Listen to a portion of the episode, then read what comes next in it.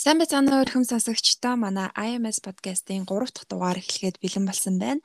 Энэ удаагийн зочноор анагаах ухааны хүрээлэнгийн эрдэм шинжилгээний ажилтан анагаах ухааны магистр мэдрэлийн эмч Пунсал Дэлмийг урьж оролцуулж байна. Танд энэ өдрийн мэндийг хүргэе. Баярлалаа. Өөрт чинь болон нийт сонсогчдтой энэ өдрийн мэндийг хүргэе. За.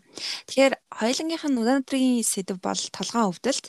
Аа тэгэхээр ерөнхийдөө миний ойр тойрны хүмүүсийг ажиглаж хараад байхад бараг толгой нь өвдөж байгаагүй хүн гэж бараг л байхгүй байдаг тийм. Тэгэхээр ямар нэгэн байдлаар одоо хүнд хэлбэрээр ч юм уу эсвэл хөнгөн хэлбэрээр бас ингээд толгойн өвдөлтийг мэдэрсэн байдаг.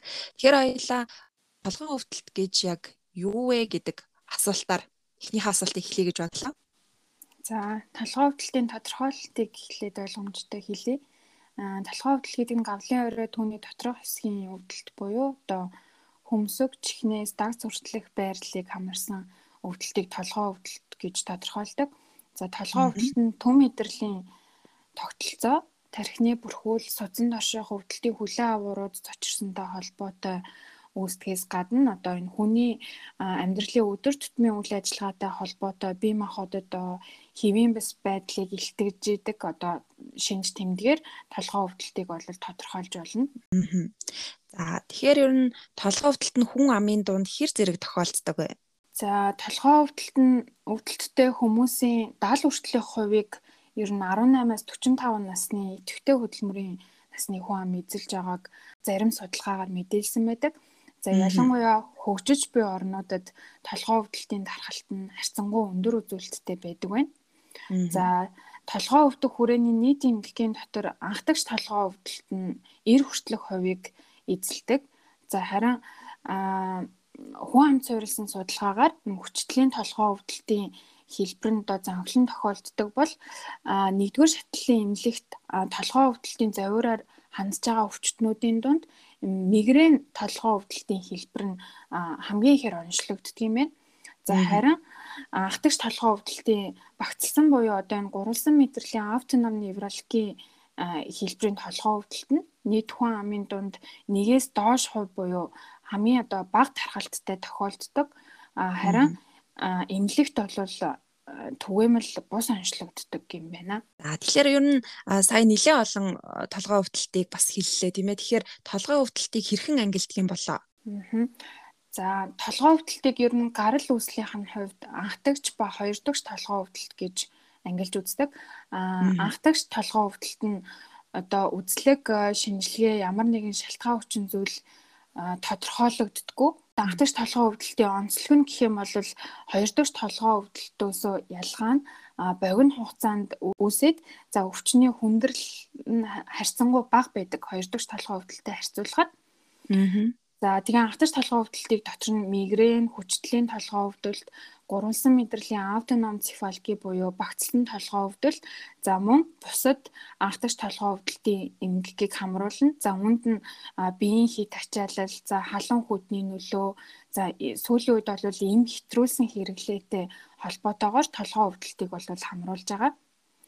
За харин хоёр дахь толгой өвдөлтийн хувьд бусад одоо өвчин эмгэгийн шалтгаантай толгой өвдөлтийг илэрхэнэ гэж ойлгох нь За үүнд нь хүзүү болон гавал тархины гимтэл, за гавал тархи болон хүзүүний судасны эмгэгүүд, за судасны бус гавлын доторх эмгэгүүд тархины одоо хавдар, тархи нуусны шингэний өөрчлөлтийн эмгэггүй үед үүсч болох нь байна. За мөн халдварын шалтгаанд буюу одоо менингит, энцефалит гэдэг тархины мэдрэлийн халдварын шалтгаанд өвчнүүдийн үед үүсэх нь байна. За цусны гемостазын шалтгаанд эмгэгүүд, за гавлын яс болоо одоо нүд чих, хамар дайвар хөндийн өрөвсөлт өвчнүүд, за шүд амны хөндий болон нүүр хүзүүний бүтцийн шалтгаантай эмгэгийн үед нүүрний өвдөлтүүд мөн сэтгцийн эмийн хэрэглээ мөн химийн бодисын шалтгааны улмаас үүсдэг. Хоёр дахь толгой өвдөлт нь. Ааха. За тэгвэл анхдагч толгой өвдөлт гэж ямар юу хэлээд байна вэ? За анхдагч толгой өвдөлтийг тодорхойлж хэлэх юм бол энэ нь одоо бие дасан толгой өвдөлтийн эмгэг гэсэн үг. За гэхдээ энэ нь лабораторийн шинжилгээ болон багжийн шинжилгээний өөрчлөлтөнд өвөрмөц бус байдгаас хүн ам зүйн үзүүлэлт одоо энэ байгаль цаг уур газар зүйн онцлогоос ямар хамааралтай талаар одоо шалтгаан хүчин зүйлийг нэг тийм их сайн судалсан тодорхойлтууд ховор байдаг. За иймээс сүүлийн жилүүдэд судалгаануудад эрчимтэй хийгдээд одоо энэ анхдагч толгой өвдөлтийн үр дүнгууд гарч одоо эмчилгээ онцлогоонд дэвшилт гарсаар байгаа а эмийн шалтгаан толгой өвдөлт байдгаа гэсэн. Тэгэхээр одоо толгой өвдөлтийн эмийг дур мэдэн хэрэглэснээс болоод одоо энэ эмийн шалтгаан толгой өвдөлт үүсдэг үү? Тэглгүй яах вэ? Одоо н анхдагч толгой өвдөлтийн хэлбэрийн дотор энэ хүчтлийн толгой өвдөлтийн тохиолдол нь хамгийн одоо их тохиолддог. За үүний хоёрдугаарт нь бас мигрэний өвчлөл харьцангуй их бүртгэгдсэн байдаг. За энэ том мэдээллийн араас одоо сүүлийн үед эмийн хит хэрэглээтэй холбоотой толгой өвдөлтийн тохиолдол ихсэж байгаа нь одоо өвдөлт намдаах эмийг сард одоо 10-аас 15 хоног за мөн 3 сар ба түүнээс удаан хугацаагаар хэрэглэсний улмаас толгой өвдөлт нь сард 15 хоног түүнээс олон давтагдах толгой өвдөлтийн хэлбэрийг ангилж үзээд байгаа. За энэ нь одоо тодорхой эмийн бүлгээс хамааралтай бөгөөд одоо толгой өвдөлтийн үед өвчин намдаах эмнүүдийг замбраагүй хэрэглэдэг те. Толгой өвдөлт үүслэл бол одоо кофеин агуулсан цитрамон а за мөн мигрэний үед эмчилгээнд хэрэглэдэг триптаны бүлгийн эмгийг эмийг нэг сард 10-аас олон за мөн барбитуратын бүлгийн эмийг сард 5-аас олон за мөн сэтгэц нөлөөт бүлгийн эмүүдийг 8-аас олон хоногт тус тус хэрэглэхэд энэ эмийн шалтгаантай эмийн хит хэрэглээтэй холбоотой толгой өвдөлт үүсдэг гэж үзээд байгаа. За мөн саяны дурсан эмнүүдийг хавсарч хэрэгсэн тохиолдолд одоо энэ байнгын буюу одоо архаг толгой өвдөлт үүсэх шалтгаан болж өгдөг. За тэгэхээр толгой өвдөлтийг ер нь яаж оншилдог вэ? Оншилгооны талаар бас биднэрт мэдээлэл өгөөч. Оншилгооны хувьд бол асуумж болоо одоо толгой өвдөлтийн өгүүлэмж за мөн биеийн ерөнхий үзлэг, мэдрэлийн үзлэг, за үүн дээр багжийн шинжилгээнүүдийн дүр санчилгааны шинжилгээнүүдийн тусламжтайгаар онцлогдно. За гэхдээ толгоон анхдагч өвдөлтөд хамаарах хэлбэрүүдийн толгоо өвдөлтүүд маань одоо үзлэг болон шинжилгээнд ямар нэгэн өөрчлөлт илэрхгүй ба одоо өвдөлт үүсгэхэд гадаад дотоод хүчин зүйл мөн сэдэвч хүчин зүйл чухал нөлөөтэй гэдэг юм байна. За иймээс анхдагч толгой өвдөлтийн үед тархинд бүтцэд ямар нэг өөрчлөлт илэрхгүй учраас олон улсад толгой өвдөлтийн оншилгоонд асуумжийн аргаар үнэлэх аргыг зөвлөмж болгосон байдаг. За мэдрэлийн үзлэгээр өөрчлөлт илэрхгүй толгой анхдагч өвдөлтүүд болон мигрэний оншилгоонд багжийн шинжилгээ шаардлагагүй гэж үздэг. Гэхдээ одоо энэ мигрен гэдэг нь өөрөө олон удаа одоо өвдөлтийн давтамж одоо сэдрэлттэй байдлаар явагддаг. Тэгэхээр энэ өвдөлтийн давтамж ихсэх хандлагатай тохиоч мигрен, тал саажилт, хавсарсан мигрен, за мигрэний хүнд хэлбэрийн үед дүрс дүрс онцлогооны шинжилгээ буюу одоо имра ангиу суд центрийг шалгах, за оншийг заавал тодруулах зайлшгүй шаардлага бол тулгардаг. За харин хоёр дахь толгой өвдөлтийн хэлбэрийн үед бол аюултай ерөнхий шинж тэмдэг толгой өвдөлтөөр илэрч байгаа эсхээс хамаарат За яаралтай оншилгоо эмчилгээг мэрэгжлийн эмчэд эмнэлэгт хандаж заавал шийдвэрлүүлэх шаардлагатай. Жишээлбэл тархины цус харвалтуудаас торлог бүрхөвчийн доорх цус харвалтын үед толгоо хүчтэй өвдөж одоо огиж бөөлжөх за харвалтын голомтын байрлалаас шалтгаалаад одоо гар хөлийн сулрах хил яриа эдрэх гих мэт одоо юм шинж тэмдгүүд хавсарч илэрдэг. За тиймээс одоо энэ хавсарч илрэх шинж тэмдгүүдийг ажиглаад хэрвээ аюултай ерөнхий шинж тэмдэг илэрсэн байх юм бол заавал имлэгт яралтай хандах шаардлагатай гэсэн үг. Тэгэхээр одоо толгой өвдөлттэй хүн ямар шинж тэмдгийг анхаарах хэрэгтэй вэ? Ер нь бол нөгөө анхдагч толгой өвдөлтийн хэлбэрийн үед толгой өвдөлтийн хэлбрээсээ шалтгаалаад өөр өөрөөр өвддөг. Тиймээс та одоо эмчэд хэрвээ хандаж үзүүлэхээс өмнө их удаан хугацаанд толгой өвдөлт илэрх юм бол тэмдэглэл хөтөлбөр нэг чухал идэг. За календар хөтлөн гэж яриаддаг. За энэ үүн дээр болохоор толгой өвдөлтийн шинж төрх ямар байна? Дарагдах, баглах, хатгах, одоо лугших, шинж чанартай өвдөж гин үү?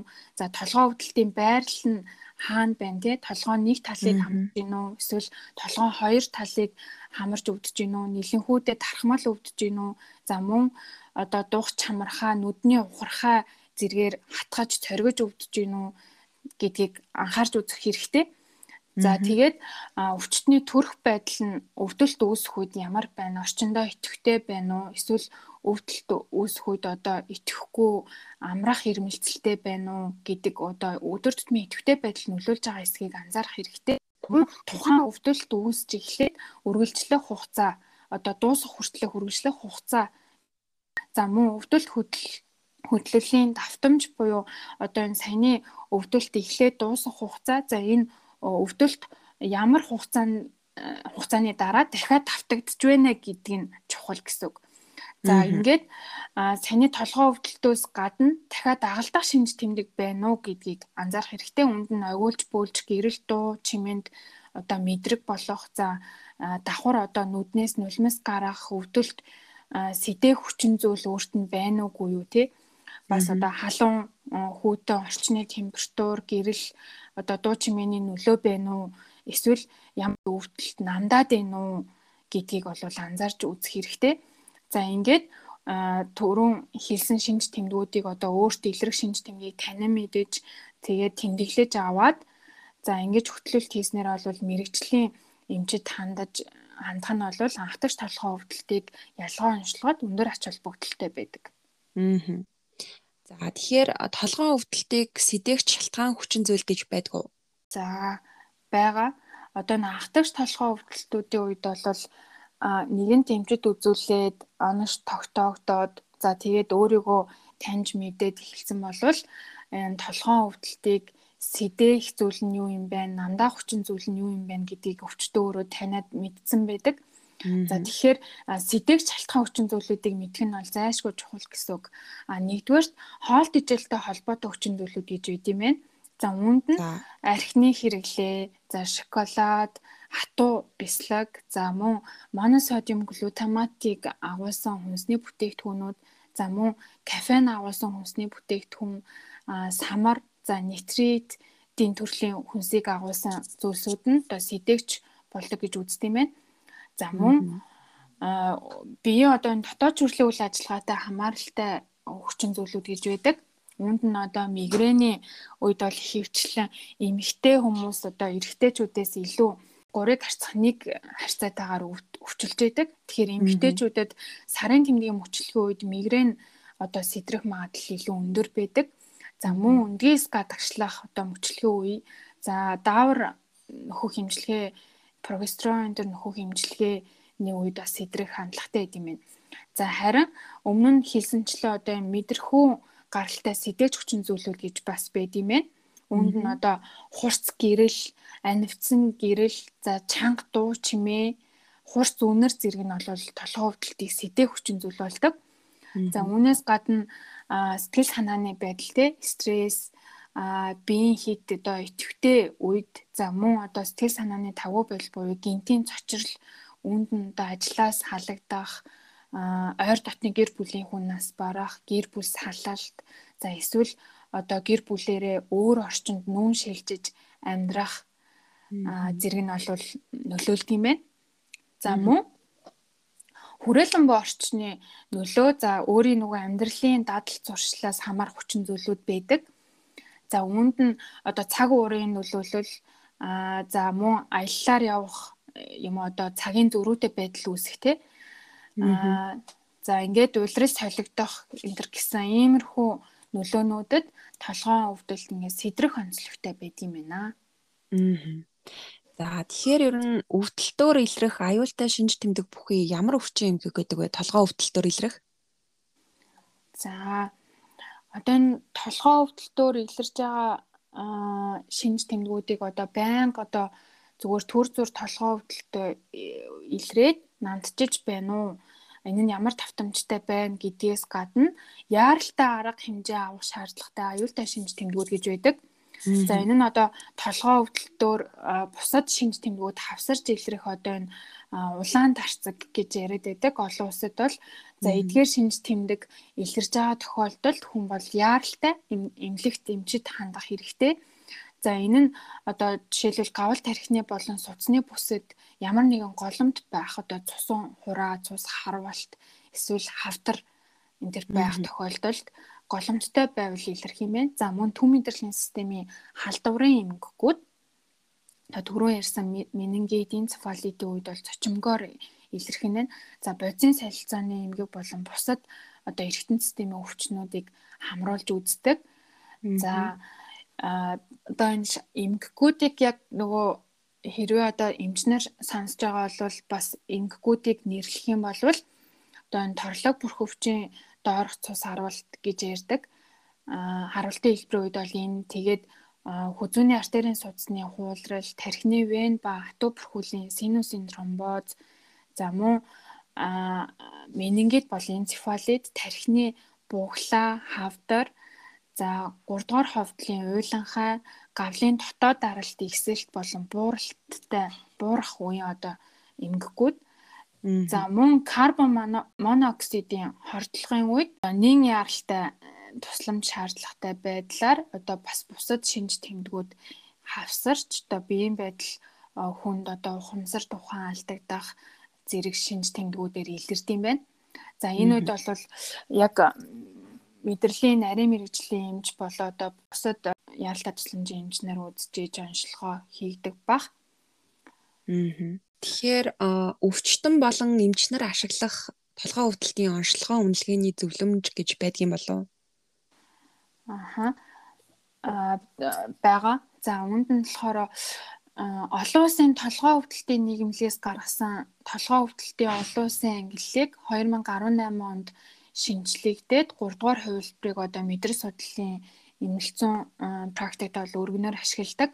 За толгой өвдөлтийн үеийн олон одоо чиглэл бүхий энэ менежмент одоо толгой өвдөлтийн үеийн менежмент заавар зөвлөмжийг гаргасан байдаг.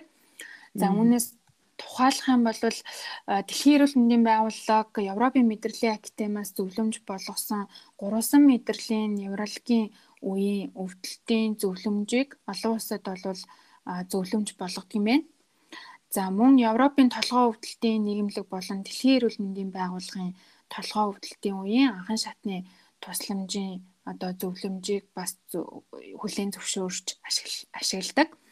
За үүнээс гадна Канад, Америк, Европ, Англи, за Австрали, Шинэ Зеланд, Япон энэ улс орнуудад одоо хүүхдийн толгой өвдөлтийн үеийн менежмент, за архаг толгой өвдөлт, толгой өвдөлтийн үзлэг, оншилгоо, за эмчилгээ болон одоо толгой өвдөлтөөс шалтгаалсан хөдөлмөрийн чадвар алдаалтад чиглэгдсэн зөвлөмжүүдийг бол энэ э, саяны хэлсэн улс орнуудад гаргасан зөвлөмжүүдийг одоо санал болгож одоо эмчнэрт ашиглахыг зөвлөмж болгосон байдаг. Аа толгой өвдөлтийн шимж тэмдэг одоо үргэлжлэх нь ямар үр дагавартай байдаг вэ? За толгой анхдагч өвдөлт одоо энэ харахад явцтай мигрен, за эмийн ит хэрэглээтэй холбоотой толгой өвдөлт нь хувь хүний амьдралын чанарт нөлөөлдөг. За мөн санхүүгийн хувьд бэрхшээл үүсгдэг юм байна. Одоо удаан хугацаанд эмээр эм хэрэглээд ахаар санхүүгийн хувьд тодорхой хэмжээнд одоо нөлөө үзүүлдэг гэж үздэг юм байна.